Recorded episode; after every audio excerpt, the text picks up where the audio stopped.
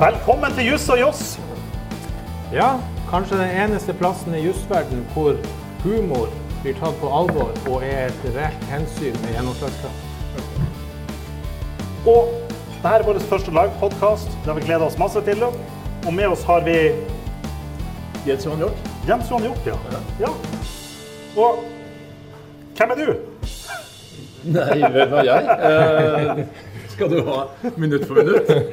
Nei, men vi, jeg, jeg, altså jeg var så heldig at jeg kom til Tromsø i 95. Jeg har hatt det veldig fint her og til og med fått lov til å være ordfører i byen. det er jo helt utrolig. Og, ja, det er utrolig. Og det som er morsomt, er at eh, jeg har blitt spurt uh, ganske mange ganger hvordan det går an for en søring å bli uh, ordfører her. Men bare én gang fra en nordlending. Det, det er tribute til uh, lokalbefolkningen. De, er, uh, åp- de har et åpent sinn, uh, og de aner jo ikke hva som treffer dem. Ja, men Og, og i dag er jeg jo da leder av Advokatforeningen. Det er mulig det er derfor jeg er invitert. det er nok derfor vi har registrert at politikken har blitt lagt til side, og du har nå konsentrert deg om faglige ting. Og kan du si, hvordan blir man leder av Advokatforeningen? Ja, det er et godt spørsmål. Uh, altså det er litt sånn uh, som når det er spørsmål om hvem som skal bli uh, i leder av, eh, av ikke PFU, men, men FAU, FAU i, på, i, på skolen. Det handler om det å, å, å være oppmerksom og tre et skritt tilbake når alle de andre gjør det. Det glemte jeg. så det er ikke det, det, det er litt flåst sagt, men det, det var Jeg fikk en forespørsel jeg ønsket å stille, og så var jeg på et intervju på Gardermoen Uh, sammen med tre andre. Og så fikk jeg en uh, veldig hyggelig telefon uh, senere, og det har jeg satt veldig pris på. Kjempebra, kjempebra. Men for de som ikke vet, hva slags advokatfirma jobber du i? Jeg jobber i Rekve Pleimet Co. Så jeg er ett co. Ett ko, ja. Ja, men det er glimrende. Vi eh, er jo ikke bare her for oss å eh, småprate, Marius. Men, men det heter ett ko. Så da burde vi jo hete Juss ett Joss. ja, Ja. Er det det? Jeg tenkte jeg skulle komme inn på det, men uh, ja. Velkommen til Juss, Juss ett Huset til Joss. oss. Ja, ja, ok, jeg lærer stadig nye ting. Det høres ut som det blir mer flyt over det. Ja. Det gjør det. Og, Velkommen til Juss ett Joss! Jeg er kanskje litt gammelmodig. Jeg tror, det, jeg tror dere går for eh, bare beholde navnet. Kanskje heller jeg skal si Rekvepleim og co. ja. Men vi har hørt at du skal på damebesøk etterpå. Ja, Tenk at du tar deg tid til å komme innom her før du skal Ja. på damebesøk. ja det syns jeg også er ganske rørende. Det, Det- det syns men, men jeg kanskje skal utdype litt hvem, hvem jeg skal på besøk til. Det har vi jo lyst til å høre. Ja, for greia er at jeg, jeg skulle gjerne vært her litt lenger i dag, men jeg skal altså ned til Oslo for å besøke eh, mamma. Som fyller Hun har fylt 95, bor hjemme i barndomshjemmet og skal feire på Bærums Verk eh, på søndag. Så eh, hun er altså den dama jeg besøker i Oslo, som henter meg på Skøyen stasjon med bil. Og har handla mat på forhånd. Og redd opp sengen, stryker skjortene. Og eh, all inclusive. Så det, og jeg er selvfølgelig eh, attpåklatten, da, som, som eh, Det kunne vi kanskje gjetta, men eh, 95 år, jeg tror det fortjener en applaus.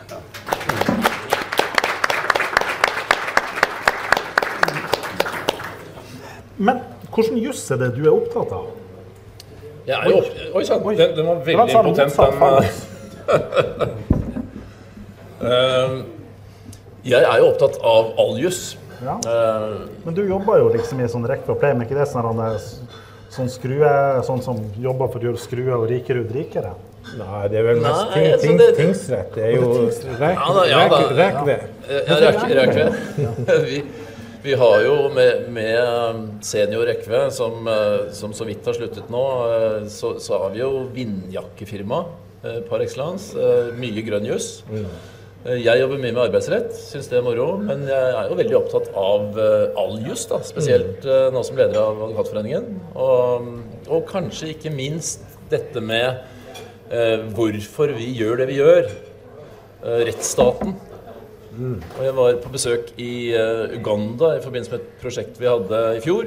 25-årsjubileum for et rettshjelpsprosjekt der. Og det å oppleve en stat som er under utvikling, og hvor de utvikler rettsstaten, og hvor langt fremme i pannebrasken de har rettsstaten og rule law, det, det var til ettertanke. Har ikke, jeg har ikke tenkt så mye på det før, men eh, vi, vi har godt av å ha det med oss.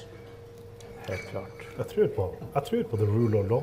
Ja. Det er, jo, det er jo liksom I den forskninga som jeg har gjort, så er det jo det en av de tingene som jeg har sett på. Det har vært at i hvilken grad er det jussen får lov til å komme inn, og hvilken grad er det jussen får lov til å, til å styre? Og, og, hvem er det som egentlig kontrollerer? Skal man på en måte la makta være politisk styrt, eller skal man la det være rettslig styrt? Hvordan skal det være? Og da har jeg jo stadig vekk i forskningsformidlinga jeg prata om med politimester Bastian. Ja. Hvor jeg jo drar frem han som den ultimate diktatoren.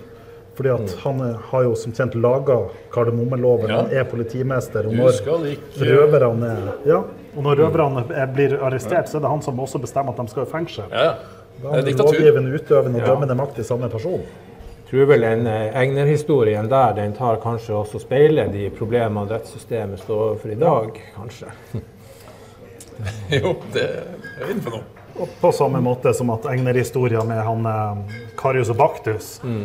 at det illustrerer ja, Det er jo egentlig historie om en miljøkatastrofe. Og så er det jo en fortelling om hvordan plan- og bygningsloven egentlig ikke verna de stakkars beboerne. Men det er, jo, det er jo også en historie om uh, the way back, da. Altså, Kasper Esper Jonathan ble jo henholdsvis, uh, hvis jeg husker rett, uh, bak husker uh, Nå hadde jeg, burde jeg jo hatt de andre også, men jo, han ble jo gift med tante Sofie, han stakkaren. Kasper ble ja. ja. Det var vel nok, det, for han. Jo, nei, han ble, han, han ble brannmester. Baker, ja. Og så var det han som gifta seg, han bli brannmester. Og så siste ble sirkusdirektør. Ja, med løven, ja. Stemmer. ja.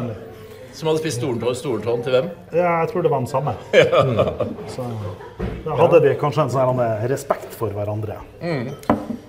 Ja, men eh, da Kasper og Jesper Jonathan eh, var mer ille ute, så eh, sto de jo for retten. Og det var vel ikke mye snakk om at tvilen skulle komme dem til gode. Nei, De hadde vel kanskje ikke rett til fri forsvarer heller? Det hadde de vel heller ikke. Nei, det hadde de vel ikke. Det var mye, mye ille der. Men, men, med en god diktator kommer du langt. Ja. Men Men du vet, jeg kjørte jo rettssaken mot Kasper Jesper Jonathan oppe i, oppe i rettssalen her i, under, åpen, åpen dag. Okay. Da kjørte vi inn, så fikk vi inn, fikk vi inn alle ungene. Eh, altså Det var åpen dag, så det var over 500 ja, mennesker som så rettssaken. Vi kjørte fem ulike. og der, altså, han Bastian han sitter jo der borte, han som spilte Bastian. Ja, der er Bastian, jeg ser jo det. Ja, ja. um, og da, og da kjørte, kjørte, vi da fem rettssaker, og da tok vi på en måte fortellinga at de ble arrestert for tyveri. Og så kjørte vi bevis, og så sier vi at, at ja, nå skal vi kjøre det her som en rettssak, kjøre bevisføring. Og så vi, kommer det prosedyrer, og han holder da Bastian sin prosedyre. Var det innbruddet i pølsebutikken? Ja, ja. ja, ja. ja og, så, og, så, deretter så er det da en forsvarer som da er med. Og, så, og det er klart, Vi må jo si at det var jo jeg som hadde skrevet prosedyra til Bastian. da. Og Det er ikke så vanlig at forsvarere har skrevet Bastians prosedyre. Men, men jeg fikk dem altså frikjent i fem av fem rettssaker. Genialt. Men når du har skrevet prosedyren til eh, Så ja, du har på en måte hatt all makt i dine hender? Ja, ja. Det er jo, ja, det er jo Diktator. God diktator. diktator ja. Ja, ja. en god diktator. Ja, ja. Men vi tenkte vi skulle snakke om uskyldspresumpsjonen. Ja. Hva, hva er det for noe? Nei, altså Det er uh, noe som jeg er, er, veldig opptatt av. Uh, og det var tema for årstallen som jeg holdt nå for få uker siden nede i Oslo. Eh, og grunnen til at jeg ønsket å holde altså det, det temaet, det er rett og slett at jeg har en følelse av at, eh, at vi eh, Kanskje vi jurister har det litt mer under huden, dette med, med at uh, man er uskyldig inntil det motsatte er bevist. Men, uh, men, når alt kommer til alt, så tror jeg vi alle har en sånn naturlig legning på at ingen røyk uten ild. Og, og, det slo meg i dag, da, at uh, altså i dag har det kommet en dom i, uh, i Nord-Troms tingrett uh, over to kolleger. Ja. Og, og, det hadde vært interessant Jeg skal ikke utsette dere for en håndsopprekning, men Men basert på de presseoppslagene som har vært, eh, den dekningen som har vært av den saken, hvor mange av dere hadde rokket opp hånden og sagt at vi trodde at de var uskyldige det, Jeg er ganske overbevist om at eh, det dessverre hadde vært et, eh, et mindretall som liksom hadde hatt den under huden. Og, og det merker vi også i rettsutviklingen. Vi merker det på altså Høyesterett har i en dom i, i 2011 sagt at hvis du har en situasjon hvor du bare har tiltaltes, eh, altså tiltaltes vitneutsagn og fornærmedes vitneutsagn, så må det som utgangspunkt være greit at eh, du foretar en troverdighetsvurdering. Og da har du altså uh, Du har en domstol som ikke kjenner tiltalte. Uh, du har en domstol som ikke kjenner fornærmede. Og så skal de, basert på en ren troverdighetsvurdering, dømme. Kan du kan du rett og slett være i en posisjon hvor, hvor, du, hvor det er hevet over enhver tvil at vedkommende er skyldig, basert på en ren troverdighetsvurdering. Etter min mening er det helt på, på huet, og jeg, det sa jeg i den talen. Og så fikk jeg jo uh, høyesterettsjustitiarius til bords etterpå, under middagen. Uh, og hun var ikke enig. Uh, men, men jeg mener at hun ble litt svar skyldig på, på altså, hvordan går det an? terskelen skal være så høy Mm. Og så sier de at ja, men i mangel av andre bevis så må man foreta en ren troverdighetsvurdering. Mm. Det, er jo, det er jo rett over på en sånn sannsynlighetsvurdering, og ikke en, over enhver rimelig tvil-vurdering. Ja, det er det jeg mener. Altså, du, du er i det nedre sjiktet. ikke sant? Ja. Jeg, jeg, mener at du nesten per definisjon ikke klarer å komme opp i det som er uh, uskyldspresumpsjonens uh, krav. Ja. Men det er klart, men det er klart da, men da er vi jo inne på altså Når vi, når vi følger opp det, så er vi jo raskt inne på voldtektssakene. Ja. Fordi, at, fordi, at, Kjernen i de her typiske sovevoldtektssakene det er jo at det er jo to stykker går inn på et rom, og så kommer de ut derifra eh, og har to forskjellige historier om hva det er som har skjedd inne på det rommet. Ja. Hvorav den ene sier at de har blitt voldtatt, og den andre sier at de hadde frivillig sex. Um, og, og, så skal da domstolene ta stilling til det her. Og da har vi jo liksom et sånn generelt problem, for hvordan skal vi gjøre det her på en rimelig, rimelig og fornuftig måte? Fordi at ut ifra den argumentasjonen som du kommer med i forhold til uskyldspresumpsjon, så må vi jo da si at ja, da må, kan vi jo ikke dømme noen for voldtekt. Mens på den andre sida så kan vi jo ikke dømme enhver som kommer ut fra et rom der noen har ropt voldtekt. Nei, nei da, da, nå, nå, trekker du frem eh, de vanskeligste sakene og de verste sakene. Eh, jeg, jeg, har stor forståelse for det, og det gjorde faktisk Tore Løie også eh, i, i, vår samtale ved bordet. Eh, og, og det, men, men ofte så er det noe mer. Ja, det er jo det. Eh, altså det, det tiltalte kan ha en historie. Eh, det, det, er, eh, det, det, er, ting som gjør at det er ikke en ren troverdighetsvurdering retten skal foreta. Og da, da tenker jeg at da, da, er man mer i en situasjon man kanskje basert på en totalvurdering kan, kan uh, dømme skyld, at vedkommende er skyldig. Uh, men, men det, er, det er jo de vanskeligste sakene. Og uh, men, men, det er også kanskje der uskyldspresumpsjonen også har den største funksjonen. Ja. Mm. Uh, og jeg har hatt diskusjoner med, med, min generalsekretær i forhold til hvem, hvem, er det som er mest troverdig i en sånn situasjon. Jeg mener at uh, altså, jeg vil tro at det er jenta som er mest troverdig i retten, i, uh, men, men, mens hun har ment det motsatte. men, men og, og, det kan sikkert Det kan være ulikt fra, fra dommer til dommer. og og sånn, men, eh, men, det er la, la, meg ta, da Og det, det, er jo den verste saken sånn, å, å trekke frem. For, for, det er eh, mange som har gjort seg opp en formening om skylden der. Hemsedal-saken. Ja. Mm. Eh, det som, og, og, For å trekke det tilbake til uskyldspresumpsjonen, så var det jo sånn at eh, Og, og den, den, kjenner dere vel alle sammen. Det, det, var, det, var, jo opplevd og, og vedtatt at, at var, de var skyldige, og så ble de frikjent, disse tre mm. guttene. Mm. Og, og, det som skjedde da, det var jo at Og først og fremst media. Ja. De eh, gikk inn og, og, nærmest sa at dette er feil. Og, og, det var Disse meddommerne har vært utsatt for uh, det ene og det andre, som var hengt ut i, uh, i offentligheten. Ja, og de, de, som da ikke er dømt, har uh, måttet flykte landet. Så, mm. så, så, det er noe med at Og, og det går litt inn på medias dekning også, ikke sant? Og, og skal man ikke respektere en dom? Ja, det er sant. Og, eh, men har du forståelse for eh, slike altså, Også juristene blir jo satt eh, i et kritisk lys når man frikjenner den sånne, i sånne saker hvor på en måte altså en folkeopinion, en slags lynsjemobb, allerede har avsagt dommen før saken har blitt hørt. Et annet eksempel er jo fetteren til Birgitte Tengs, Ja. som ble frikjent for drapet, men ble idømt erstatningsansvar overfor foreldrene. Og da Nettopp. smalt det jo igjen. Jo, og, og det er jo et veldig interessant tema. fordi i Norge har vi altså en, et system som innebærer at man kan bli frikjent strafferettslig eh, pga. bevisbyrdekravet.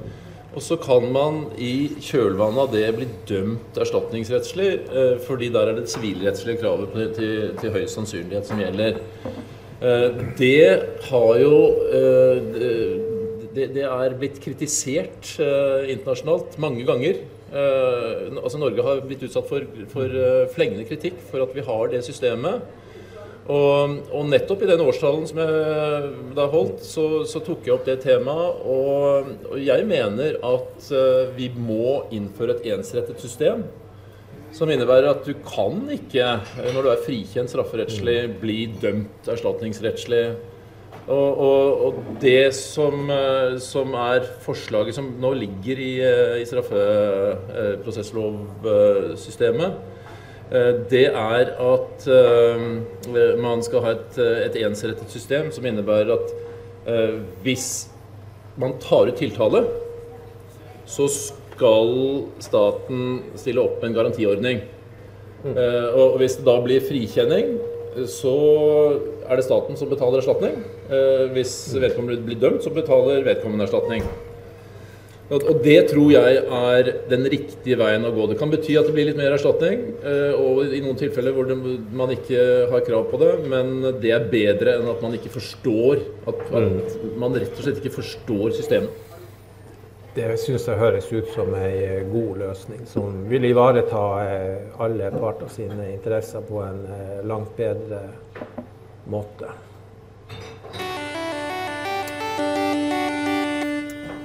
Ja, nå, nå kom det frem en klokke her som viser at uh, vi må gjøre noe annet. Ja, ja. Ja. Fordi at, fordi at på denne, En av de fine tingene med Juss og Joss på live, er jo det at det er det mulighet for spørsmål. Eh, hvor han Sondre er han? Der er han Sondre.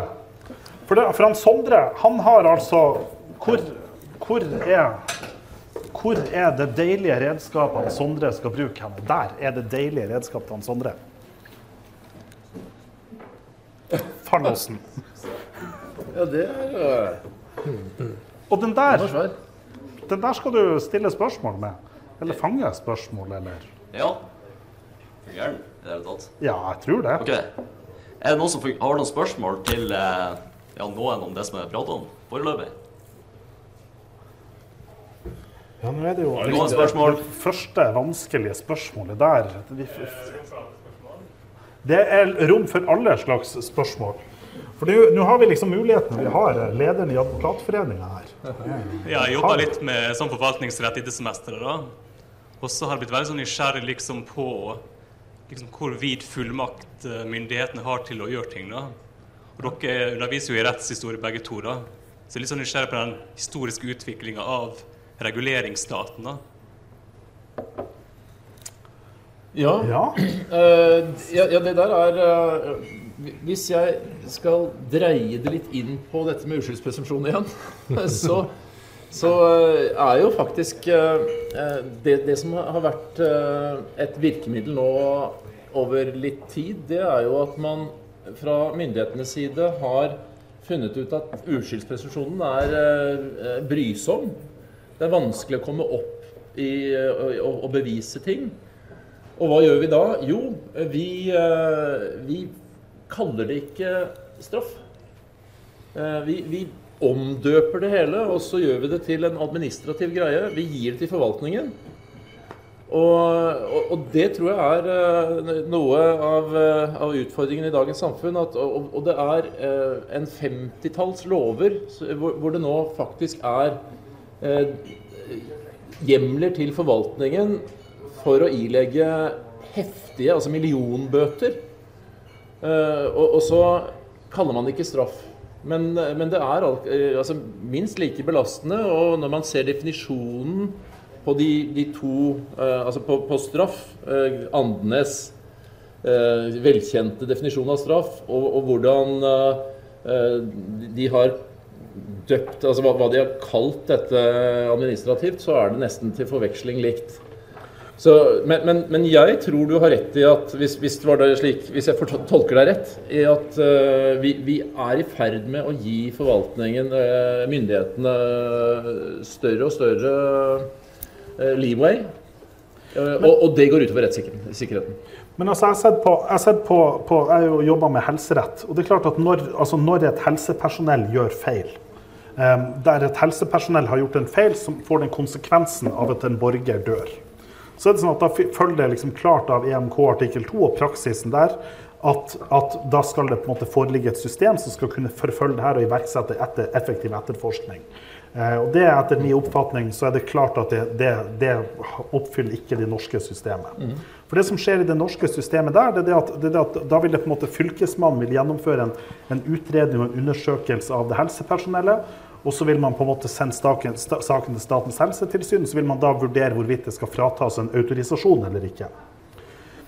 Men, men vurderingstema ved spørsmålet om autorisasjon er ikke hvorvidt man har opptrådt med en tilstrekkelig grad av skyld og hvor grovt forholdet er. Der er vurderingstemaet i hvilken grad vil dette helsepersonellet være til skade, fare for andre personer i framtida og, og overfor andre personer. Og Dermed så unngår du den systemet med et ansvarsplassering. Og det er et problem. Men, men i de tilfellene hvor du da kjører ansvarsplassering, så er det sånn at da er ikke dette straff. Da fratar man jo autorisasjonen til helsepersonellet. Og så tenker jeg at og det gjør at da blir terskelen for disse for de her inngrepene blir veldig mye høyere. Jeg tenker at Det å frata en lege en autorisasjon det er et mye mer alvorlig inngrep enn la oss si 30 dager i fengsel. Ja, ja, ja. Altså Det er 30 dager i fengsel, det er et yrke. Altså, det Altså, altså, autorisasjonen er jo det er yrke. og det, klart, og det er klart, I forhold til det du sier om uskyldspresumpsjon, i forhold til de vurderingstemaene, så er det sånn at ja, beviskravet for 30 dager i fengsel eller ei bot på 10 000 kroner, den er der. Men for å få et yrkesforbud, den er der. Ja. Jeg tror kanskje tiden er inne for deg for å trekke det frem eh, nå eh, igjen. Eh, I dagens eh, Ja. Når vi har Nav-skandalen og ja. den ene skandalen etter den andre. I dag eh, var jo dette med, med skatt. eh, Ja. At, eh, Ja, ja. eh, Så det, det, det, er tiden å ta det frem. Ja, ja kanskje det. Kanskje Absolutt. Absolutt. Nei, eh, det her er jo et stort, stort tema og eh, veldig viktig. Og sånn jeg tenker jo for eh, de som er studenter, så eh, Hvis du da blir eh, tatt i noe som blir oppfatta som juks, så blir du jo administrativt utestengt fra, fra studiet. Og det er jo en, eh, en, en reaksjon som ligger svært opp til en, en straffereaksjon av klar eh, pønal karakter. Så eh, sånn kunne vi jo egentlig fortsatt i det, i det uendelige. Lista den er kjempelang. Jeg kan, jeg kan trekke frem et, eh, et eksempel fra min uh, ungdom i forrige årtusen. uh, jeg, var, uh, jeg var utstasjonert på eh, altså Natos den gang hovedkvarter på Kolsås som security guard. Og der sto vi faktisk med skarp Altså sto med en sånn gammel uh, Walter-revolver i porten med skarp eh, ammunisjon og passet på Norge og Nato, egentlig, følte vi. Og den første gangen ja, I, i, I min tid, jeg var i 99 i Forsvaret, og jeg sto også i porten, men det var ikke med valgte pistol. Det ble sånn forhøya sikkerhetsnivå pga. et eller annet, så jeg sto i porten med en AG3 uten ammunisjon. Og tenkte, Ja, de, hva skal jeg gjøre hvis det kommer noen slemminger? de, de, de, vurderer, de vurderer folkene som får våpen, vet du. Så det, Det kan hende det var sånn det var. Men det som skjedde, da, for det, det var mitt, mitt justismord, eh, det, det var at eh, første gang vi hadde skytetrening, så, så var vi oppe på skytebanen på Kolsås og skjøt, og det gikk sånn noenlunde greit. Og, eh, og så var vi tilbake igjen, og, og det var innsamling av våpen og ammunisjon og sånn, og jeg prøvde nå etter beste evne å følge instruksjonene. Eh, Men så eh, var det da så, så dro jeg hjem på perm. Og på et tidspunkt så ble jeg ringt opp, og da hadde da hadde da vakthavende befal ikke sørget for å innsamle min skarpe ammunisjon. Eh, Så jeg hadde låst inn eh, den Walteren med skarp ammunisjon i skapet mitt på brakka, og så har jeg dratt på perm. Eh, Og de hadde selvfølgelig nærmest satt i gang bombepatruljen, og, men de hadde brutt opp skapet mitt og funnet den. Og det hele endte med at jeg fikk 50 kroner i refs. Hmm. og, og det var første gang jeg gjorde dette her. Men hva med vakthavende befal som ikke passet på? Nettopp. Og, nettopp. og jeg angrer enda i dag, og nå hører dere litt på at jeg blir litt agitert, at jeg betalte den jævla boten, eller den refsen. Er det, er det mulig å gjenoppta det, tror dere? Um, Det er ikke lenger tilbake enn i ja, 19... Uh, 1990 90 -ish. Ja, hvordan er det med Ja. foreldelsesloven nå?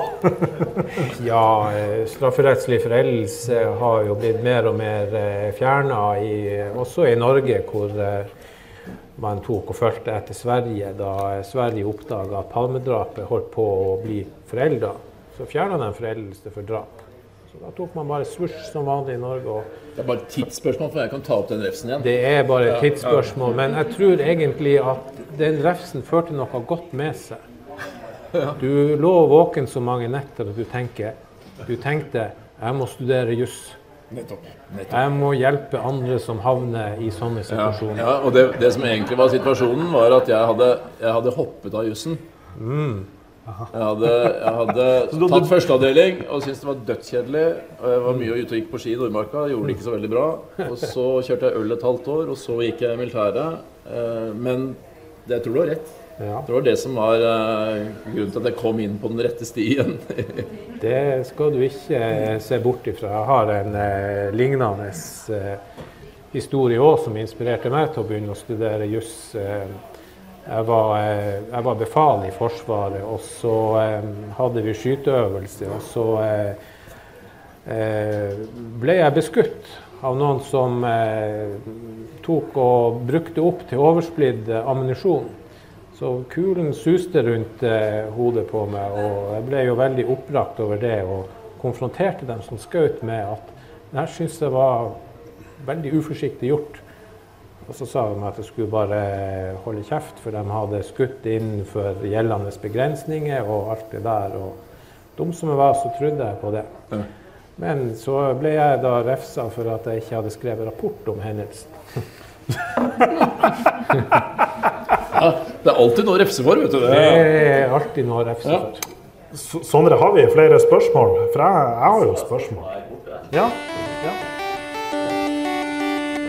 Hei, Ragna. Velkommen tilbake. Tusen takk. Uh, ja, jeg tenker at uh, i forhold til sånn Joss-biten, da uh, Har dere en, uh, bærer dere en favoritt-Joss-at høyesterettsdom? Eh, Det, det varierer jo litt, og der vil jeg jo si at der bruker jo jeg å, å ha litt omsorg for, for den biten. For at jeg er jo veldig glad i, i rettspraksis, og jeg har et utømmelig lager av rettsavgjørelser fra Høyesterett og lavere, dommer, eh, lavere domstoler hvor menneskets dårskap, idioti og dårlige menneskeegenskaper belyses. Slik at eh, sånn blir det i dag også for den som bare venter litt. Så eh, kommer eh, til å flomme som en tsunami utover lokalet.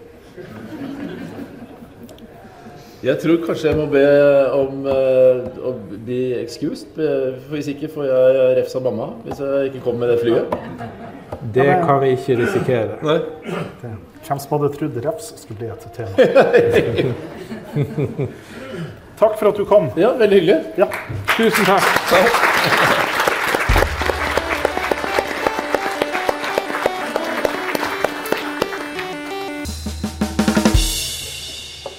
han er på vei ut, så um, skal jeg komme inn på min sak.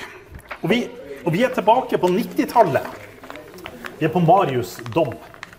Og ja, Jeg, jeg, vrei meg, jeg vrei meg unna den vanskelige høyesterettsdommen. Så jeg, jeg, Men altså, det, vi, vi, vi, er, vi, kommer inn på, på Og dette er en sak om, om sivilprosess, faktisk. Det, vakkert, vakkert. vakkert. Og det som da skjer, er at A har vært tvangsinnlagt ved fylkessykehuset i Molde siden januar 1992.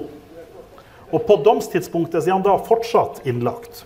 Og han har da en, en, eh, diagnosen paranoid schizofreni. Han har hatt per, perioder med hørselshallusinasjoner, vrangforestillinger og sykdomsutbilde som førte til voldelig utagering mot betjeninga. Det er klart, Voldelig utagering mot betjeninga, hva som skjer da? Jo, da må man jo ta kontroll på det her. Så i løpet av en, en seksmånedersperiode så blir han da lagt i belteseng en rekke ganger. Først på fire dager, så på 15 dager. Og så har du liksom ulik lengde på det. her. Til sammen så ligger han da i belteseng 78 dager i løpet av seks måneder.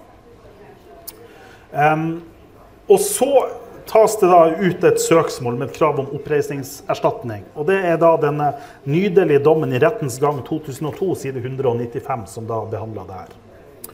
Og, og, Det som jo er en del av påstanden til, til, til forsvarer eller til saksøker til han her fyren, det er jo det at, at det som da skjer, er at han da går bort til et personal, og så slår han til personalet. Og så tar personalet da og legger han i belteseng, og da blir han liggende i belteseng i flere dager eller flere uker eller over en lengre periode. Og så sier man det at man har lov til å bruke belteseng for å stoppe det her. Men det er jo ikke det som skjer her. Her brukes det jo som en straff. Her brukes det som en reaksjon over noe som er gjort. Og så går den gjennom herredsretten, og så kommer den til lagmannsretten. Eh, saken går videre til Høyesterett. Høyesterett avviser saken. Men hva er det som skjer i, ved domsavgjørelsen? Jo, det, nei, det lagmannsretten gjør, det at for det første så bruker lagmannsretten EMK feil. Istedenfor å vurdere hvorvidt det har skjedd et inngrep i hans menneskerettigheter, som er påstanden til forsvarer, så vurderer de er behandlinga i tråd med tvangsmiddelforskrifta fra 1977. Og så finner de ut at ja, den her den er kjemperundt formulert, og det her passer fint innenfor den tvangsmiddelforskrifta. Og så spør man da neste er tvangsmiddelforskrifta i tråd med menneskerettighetene. Istedenfor å spørre er behandlinga i tråd med menneskerettighetene. Og fordi at man da går inn og vurderer regelsettet, så ender man da opp på å vurdere EMK-feil. Det høres jo eh, ut som en helt vill situasjon, egentlig. Ja. Så eh, eh, hvis eh, forskrifta var feil, så kan behandlinga være om så hva som helst. Ja. Men så, og så tenker jeg på det her, så tenker jeg at ja, ja, det her, det her skjedde jo i skjedde jo på 90-tallet, og saken er fra 2001. sånn at liksom, man har akkurat begynt å bruke menneskerettighetene. Tenk at Det at domstolen bomma på et helt sentralt spørsmål, vi kan kanskje tilgi dem for det. Men kan vi tilgi dem i dag? I dag hadde vi ikke tilgitt dem. Nei. Og så kan man spørre ja, men er denne saken liksom spesiell. Så tenker jeg at nei, han er jo ikke det. Jeg kjenner jo til dette området. Jeg vet at sånne her tilfeller finnes man finner, altså jeg skal klare, gi meg, gi meg, to dager, så skal jeg finne tilsvarende tilfelle i dag. Mm. Og så blir spørsmålet hva er grunnen til at man ikke har tatt ut et søksmål på det her siden denne saken fra 2001?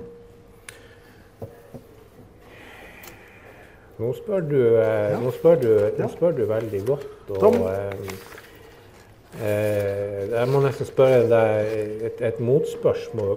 Hvor mange slike saker tror du eh, som ligger i systemet? Nei, altså Jeg har gått systematisk gjennom alle saker de siste 30 år. Mm.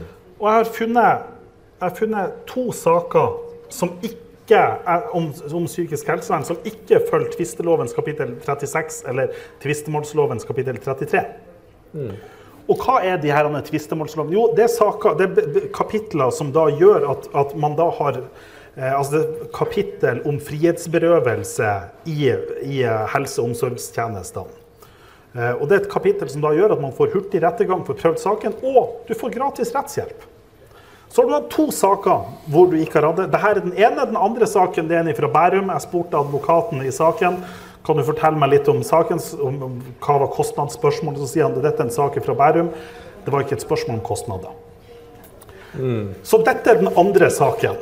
Ja, men da har du jo egentlig lagt litt ballen på straffemerket og sendt keeperen i, eh, i garderoben. Det er, jo, det er jo slik at hva vi si, pasienter i, i institusjoner, psykiatriske pasienter, Nav-klienter og alt Ja. Altså disse, de, de har jo litt vanskelig for oss å nå frem og bli hørt i, i rettssystemet vårt. Altså, folk som har mista ungene sine, folk som eh, går på trygd og er ufør og har eh, tatt seg en tur over grensa. Før, før vi går på det, jeg skal bare lese, skal bare lese det ene avsnittet. Eh, Den ankende parts påstand punkt 1 og punkt 2 avvises. Herredsrettens dom stadfestes. I saksomkostninger får lagmannsretten betal A til staten ved Sosial- og helsedepartementet 65 000 kroner. Ut fra forkynnelsen av dommedom dom med tillegg av alminnelig forsinkelsesrente. Bla, bla, bla. 12% årlig rente. Dette er da en fyr som har vært innlagt på en psykiatrisk avdeling hele sitt liv.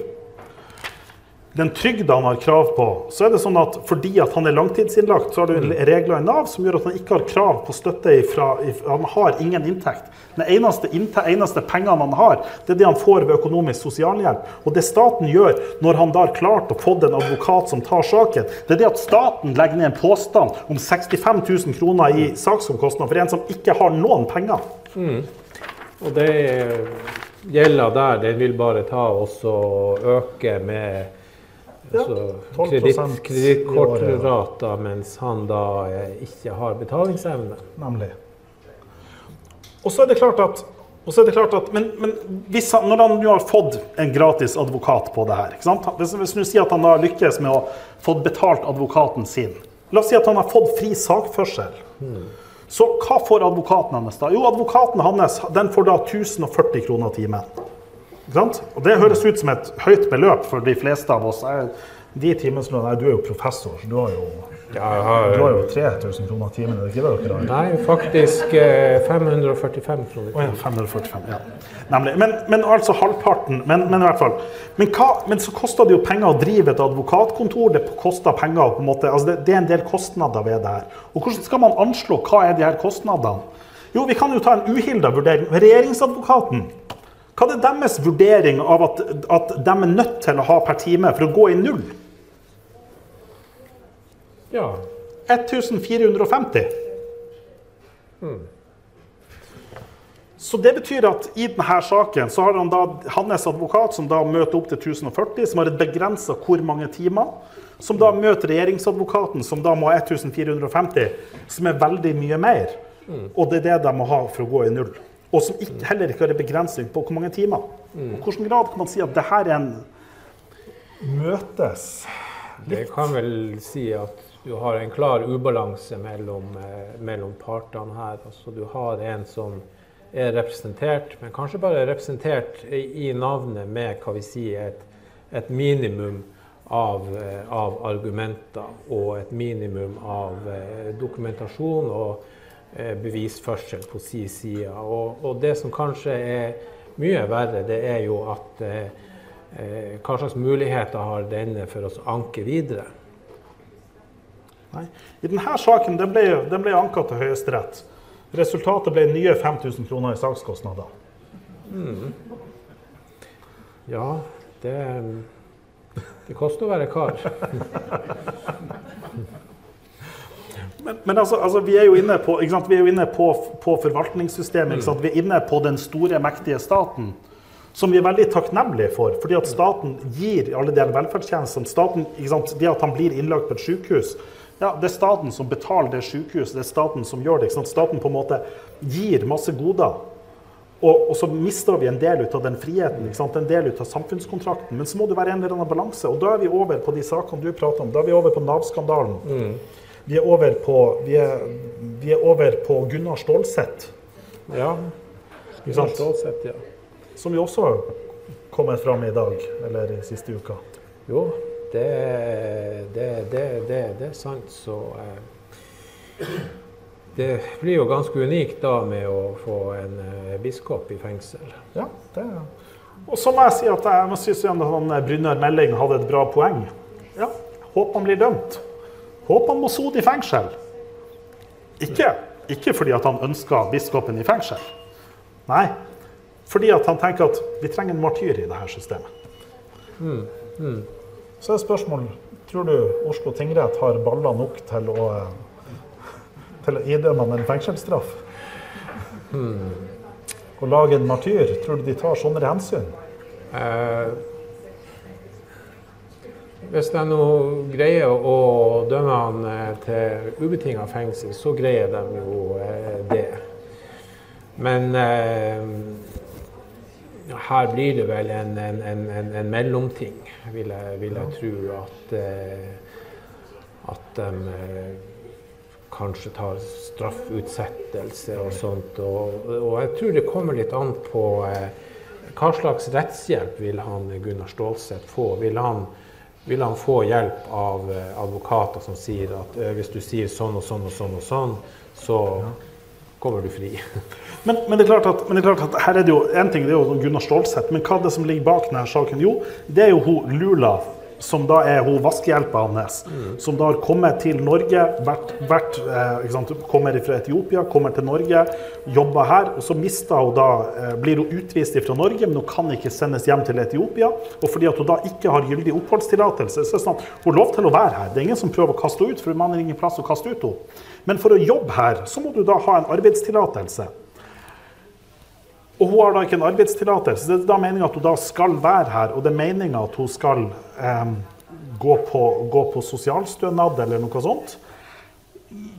Og hun har på en måte ikke noe mulighet til å betale noe advokat når hun ikke har penger til mat. Så hun får da jobb hos han Gunnar Stålseth. Og det er det man skal straffe han for. Ja, nei, eh, det blir spennende. Vi får bare stålsette oss.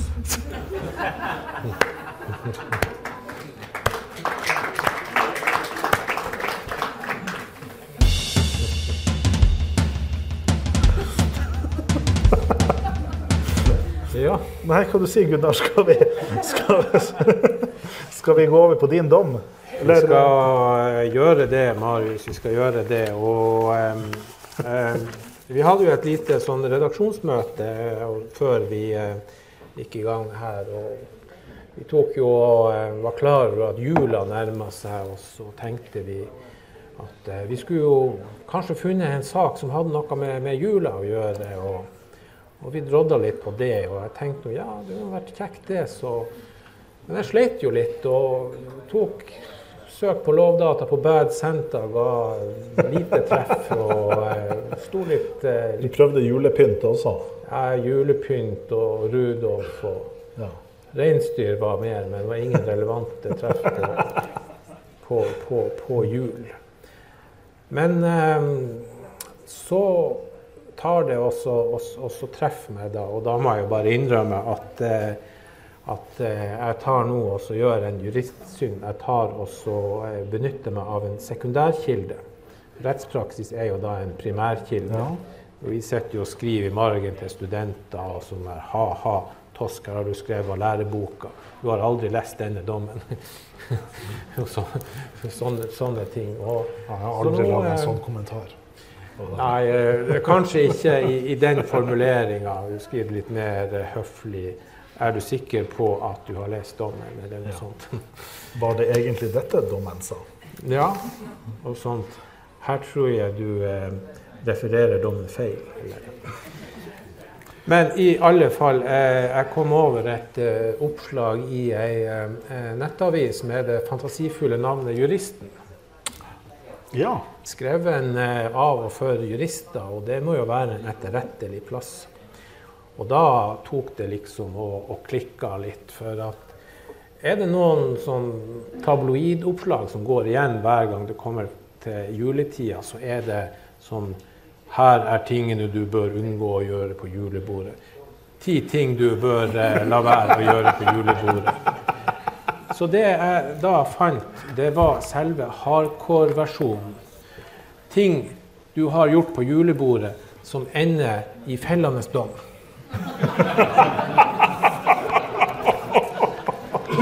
Um, det viste seg at her, her, var det, her var det et skikkelig smørgåsbord, og eh, cherrypicking eh, måtte til for å eh, Vi er på julebordsjus, liksom. Vi er på julebordsjus, og det viste seg at det var rikelig utvalg.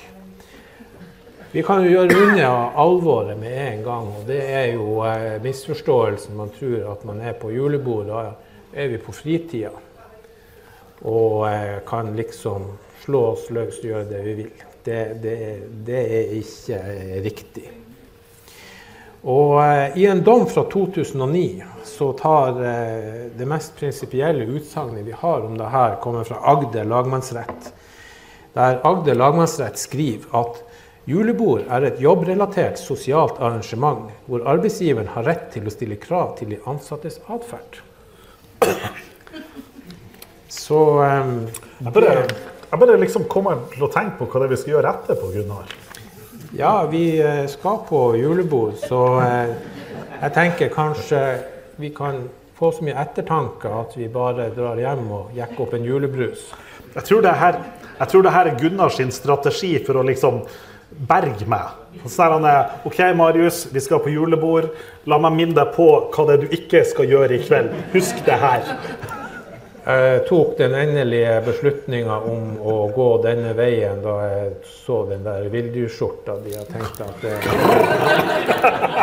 det, her- det, her, det her kan bli stygt utover kvelden. Så jeg tenkte at da var det på tide med litt eh, moralsk normerende rettspraksis. Så Jeg har eh, tatt meg den frihet å, å eh, velge ut eh, tre saker som har endt med, med dom i norske domstoler etter julebord. I 2015 så ble en 33-åring dømt til fengsel etter han på julebordet stakk en kollega minst ti ganger i rygg, nakke, skuldre og hode med ei saks. Han eh, ble jo da dømt for eh, kroppskrenkelse. Men eh, ettersom vi jurister elsker en teknikk som kalles for differensiering, så vet vi ikke om han mister jobben. Men da kan vi nok gå og bruke en annen juridisk teknikk, nemlig ei fra en mer til det mindre-betraktning, og gå ut ifra at han eh, nok sikkert eh, mister jobben. jeg, jeg håper ikke det der var en advarsel til meg, liksom. Det var, Nei, eh, jeg tror ikke du har noe sånn eh, Edvard eh, Saksehånd-tendenser, du. Men eh, men, jeg har, men jeg har faktisk en machete i kjøkkenskuffa mi. det vet jeg at du har en machete i kjøkkenskuffa di. Vet du at det er høring fra Justisdepartementet nå på å forby oppbevaring av machete? Hvis den går gjennom, så må jeg faktisk dra ned på politistasjonen og overleve det, overlevere den og si at det er et våpen med mer enn 25 cm blad. Ja, men eh, du er jo en kjenning av politiet, så Så eh, de vil nok sette pris på eh, din, eh, din åpenhet. Det er klart, Etter at jeg har skrevet leserinnlegg til dem hvor jeg kritiserte dem, så tenker jeg det er den beste å levere han inn. Det er nok det aller beste å, å, å levere, han, eh, levere han inn. Men først må jeg vel lage et høringssvar. Det, det, det høres ut. Demokratiske rettigheter må, må utøves. Det må de. Men eh, vi får gå videre. Vi var innom en dom fra eh, 2015, den er relativt ny. Vi har jo òg, hva vi eh, nylig hatt denne metoo. Og vi har en dom fra 2004, før eh, metoo. Og eh, bakgrunnen for den dommen, eh, det var da et julebord hvor man jo ikke er uvanlig, man arrangerer aktiviteter og leker. Quiz er jo populært. Men quizens innhold derimot, den kan ofte gå over grensen hva som anses akseptabelt. Eh, I denne saken som eh, fra 2004 så begynte julebordet med en quiz som gikk ut på at de ansatte skulle gjette hvem sine bryster som fremgikk av bilder som ble vist. Jeg tror det har vært en Quisling som laga det spørsmålet. Ja. Det, det, det, det, var ganske drøyt. Lagmannsretten kom i denne saken til at eh, den eh, av disse damene da, som hadde eh, reagert på det her, hadde ikke blitt seksuelt trakassert med denne episoden.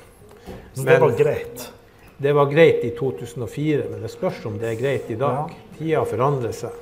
Så vår konklusjon tror jeg må være at vi ikke vil anbefale at den quiz-ideen tas videre av noen av eh, leserne og eh, lytterne.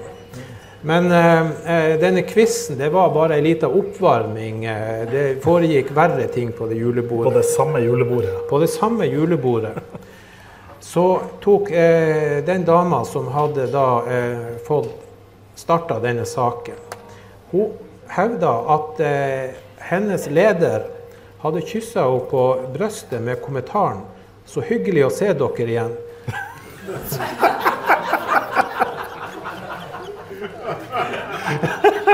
I retten eh, forklarte lederen seg at det som skjedde, var et uhell. Han forklarte for retten at han strakk seg fram for å gi kvinnen en klem. Men da fikk han, som følge av en kneskade han hadde på den tida, smerter i kneet. Dermed fikk han et svikt i knærne da han bøyde seg ned, slik at hodet, hodet hans traff hennes bryster. Retten, retten vurderer i denne saken at det ikke ble funnet bevist at hendelsen hadde skjedd slik kvinnen beskrev.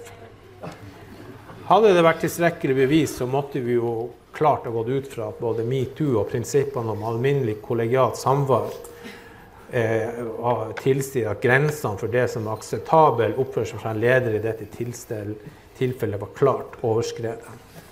Men, men altså, altså, det er jo liksom over på men, men det her er jo ikke en straffesak. Det er jo, for det det vi snakka om i stad, om uskyldspresumpsjon. og Ja, Det her er jo liksom ikke straffesak. Det her er bare alminnelig Det her er, hva vi si, eh, da upassende eh, oppførsel. Så eh, denne saken da, hva vi si, eh, vil jeg jo si ut fra i dag, eh, ville nok sannsynligvis ført til domfellelse. Men i 2004 så ble det da eh, blank, eh, blank frifinnelse. det er, jo, det er jo litt fint at det er jo litt fint at verden beveger seg fremover, er det ikke? Det, det, det, det er det. Absolutt. Men eh, det er mye galskap som, som kan skje. Og, og hva vi sier, eh, den, den siste dommen, eh, den tar kanskje litt, eh, litt kaka og sånt. Det er jo sjelden jeg tar og skvetter skvett når jeg, når jeg leser dommer hvor jeg sitter igjen med en følelse av absurditet.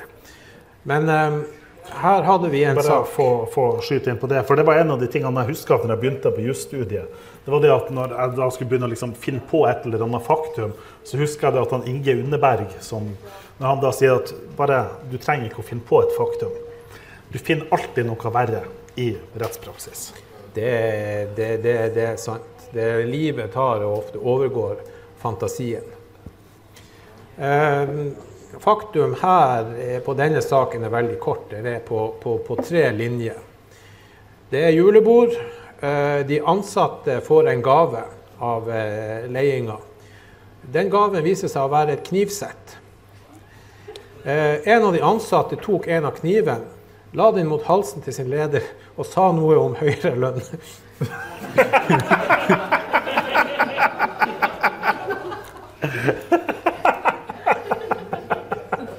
Det var jo ille nok, men, men, men så kommer det som får til å gå, eh, få hårene røyse seg på ryggen til meg. Det er lagmannsrettens vurdering. Og da siterer jeg. Lagmannsretten vurderte det her som sitat, en spontan, lite gjennomtenkt handling foretatt i en noe løssluppen atmosfære blant arbeidskolleger som kjente hverandre godt. Ja. ehm, Så jeg skal ta med kniven på julebordet, er det det du sier? Det mm, kommer jeg til nå. Eh, Det viste seg da at denne hendelsen her var jo ikke en straffesak. Det var en oppsigelsessak. Lagmannsretten vurderte ikke dette som tilstrekkelig grunnlag for verken avskjed eller oppsigelse. Men jeg tror ikke vi vil anbefale lytterne å gjøre noe tilsvarende. Så kort oppsummert så viser jo da rettspraksis oss at man bør beholde fornuft og vett også på et julebord. Og det til tross for at arrangementet er utenfor arbeidstid.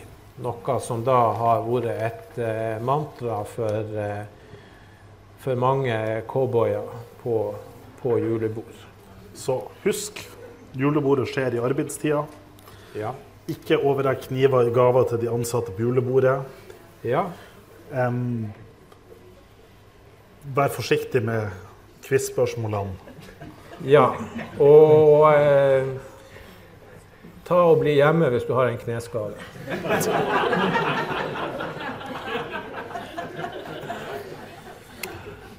Ja. Ja, det var bare et lite utvalg. Eh, Det finnes saker som er så ille at selv ikke jeg syns de er morsomme. Nei. Nei. Det var eh, dommene våre. Ja. Det var live juss og joss. Har du et eh, siste moralsk ord til meg før jeg drar på julebordet, Gunnar? Eh, Jeg tror nok at eh, du er så godt skolert i kardemommeloven at eh, vi legger den til grunn. At du skal være snill og grei og oppføre deg pent. Og for øvrig kan du gjøre hva du vil, men da er vel handlingsrommet ditt godt lukka.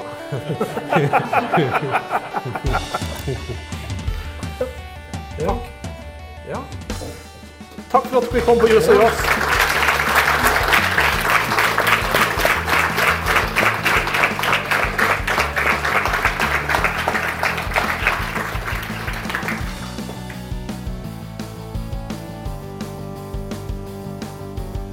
Podkasten Juss og Joss produseres i samarbeid med Result på Universitetet i Tromsø.